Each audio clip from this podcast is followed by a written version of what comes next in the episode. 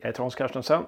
Jag är romancoach. Idag ska vi prata om information. Och framförallt ska vi prata om hur man döljer information som författare. Men innan vi kör igång med informationen, lite basal information. Ta och prenumerera här så missar du inga avsnitt i fortsättningen heller. Nu kör vi!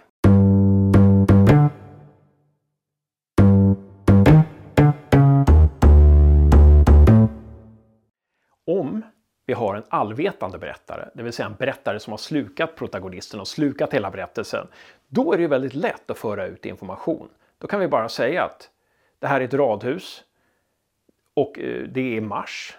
Klockan är ett på eftermiddagen. Varför är draperierna eh, fördragna? Jo, för att människorna som bor här inne har någonting att dölja. Lätt som en plätt. Men tänk om vi inte vill göra på det här viset då? Tänk om vi vill dölja skarvarna lite? Tänk om vi inte vill att berättaren ska synas så himla mycket? Tekniken då, som författare, är att göra många saker samtidigt. Och det är någonting som vi författare gör överhuvudtaget hela tiden. Eftersom vi gör allt. Vi skriver dialogen, vi sätter ljuset, vi komponerar miljön. Allting gör vi och vi håller igång alla de här sakerna samtidigt. Men när det gäller information så är det ännu viktigare än någonsin. Som jag sa, man skulle ju kunna göra väldigt lätt för sig att, att lägga in informationen bara på ett bräde. Till exempel, hon bor hos sin syster i Växjö. Hon vill inget annat än därifrån. Klockan är två på eftermiddagen och det är vinter. Men om vi jobbar så att vi försöker dölja berättaren så kan vi ta och portionera ut de här sakerna. Och då kan vi dölja det till exempel genom ett temperament eller en känsla. Ett temperament eller en känsla hos protagonisten gör att vi glömmer bort den information vi läsare som vi blir matade med. Till exempel helvete. Klockan är två på eftermiddagen. Tåget har gått. Går överhuvudtaget några tåg ifrån Växjö? Syrran skulle bli galen på mig om jag drog härifrån, men jag kan inte vara kvar i den här hålan. Ja, någonting sånt. Där har vi ett temperament, en känsla som på något vis eh, tar överhanden. Vi glömmer bort att vi får den här informationen. Man kan också göra så här att man döljer det genom en dramatisk händelse. Hur kan det gå till i den här situationen? Kanske så här. Klonk! Vad var det för ljud? Hon stängde av motorn drog ut bilnyckeln och gick ut och tittade. Hon hade kört in i en lyktstolpe. Helvete, det var syrrans bil. Hur skulle hon göra nu?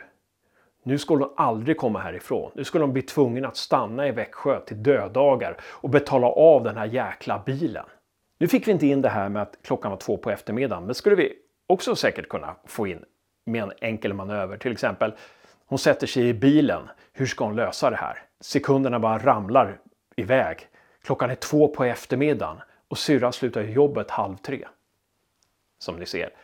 Den här dramatiska händelsen att hon har krockat med bilen i en lyktstolpe kommer överskugga så mycket och spela en sån psykologisk roll att vi kommer glömma den här informationen som vi blir matade med.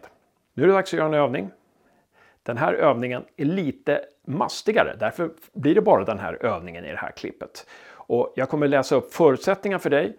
Din uppgift det blir att fortsätta på den här dialogen som jag har påbörjat mellan patienten och tandläkaren.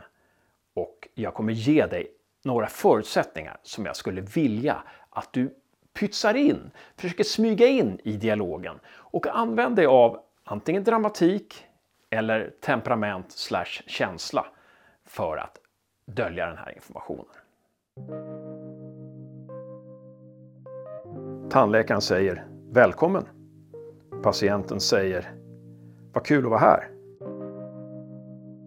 Fortsätt på dialogen mellan tandläkaren och patienten och försök smyga in informationen om att patienten går i samma skola som tandläkarens son, att klockan är 10.30 det är måndag, det är sommar och försök få med att tandläkarna har huvudvärk.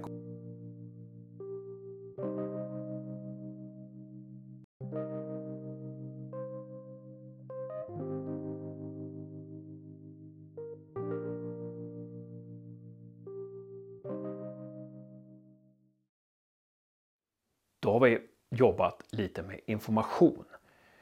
Och information är ju nödvändigt. Vi behöver ju veta saker som läsare. Vi behöver ju veta varför, vi behöver veta var, vi behöver veta när. Många sådana saker. Därför är det viktigt att det kommer med i texten. Och vill vi dölja berättaren så behöver vi försöka hitta ett sätt där vi gömmer de här sakerna. Det ska bli intressant att höra om du har några andra metoder för att dölja den information du pytsar in i berättelsen. Skicka gärna ett mejl eller skriv i kommentarsfältet här nere. Du får garanterat svar ifrån mig. Och kanske lär jag mig någonting av dig. Kör hårt med romaner.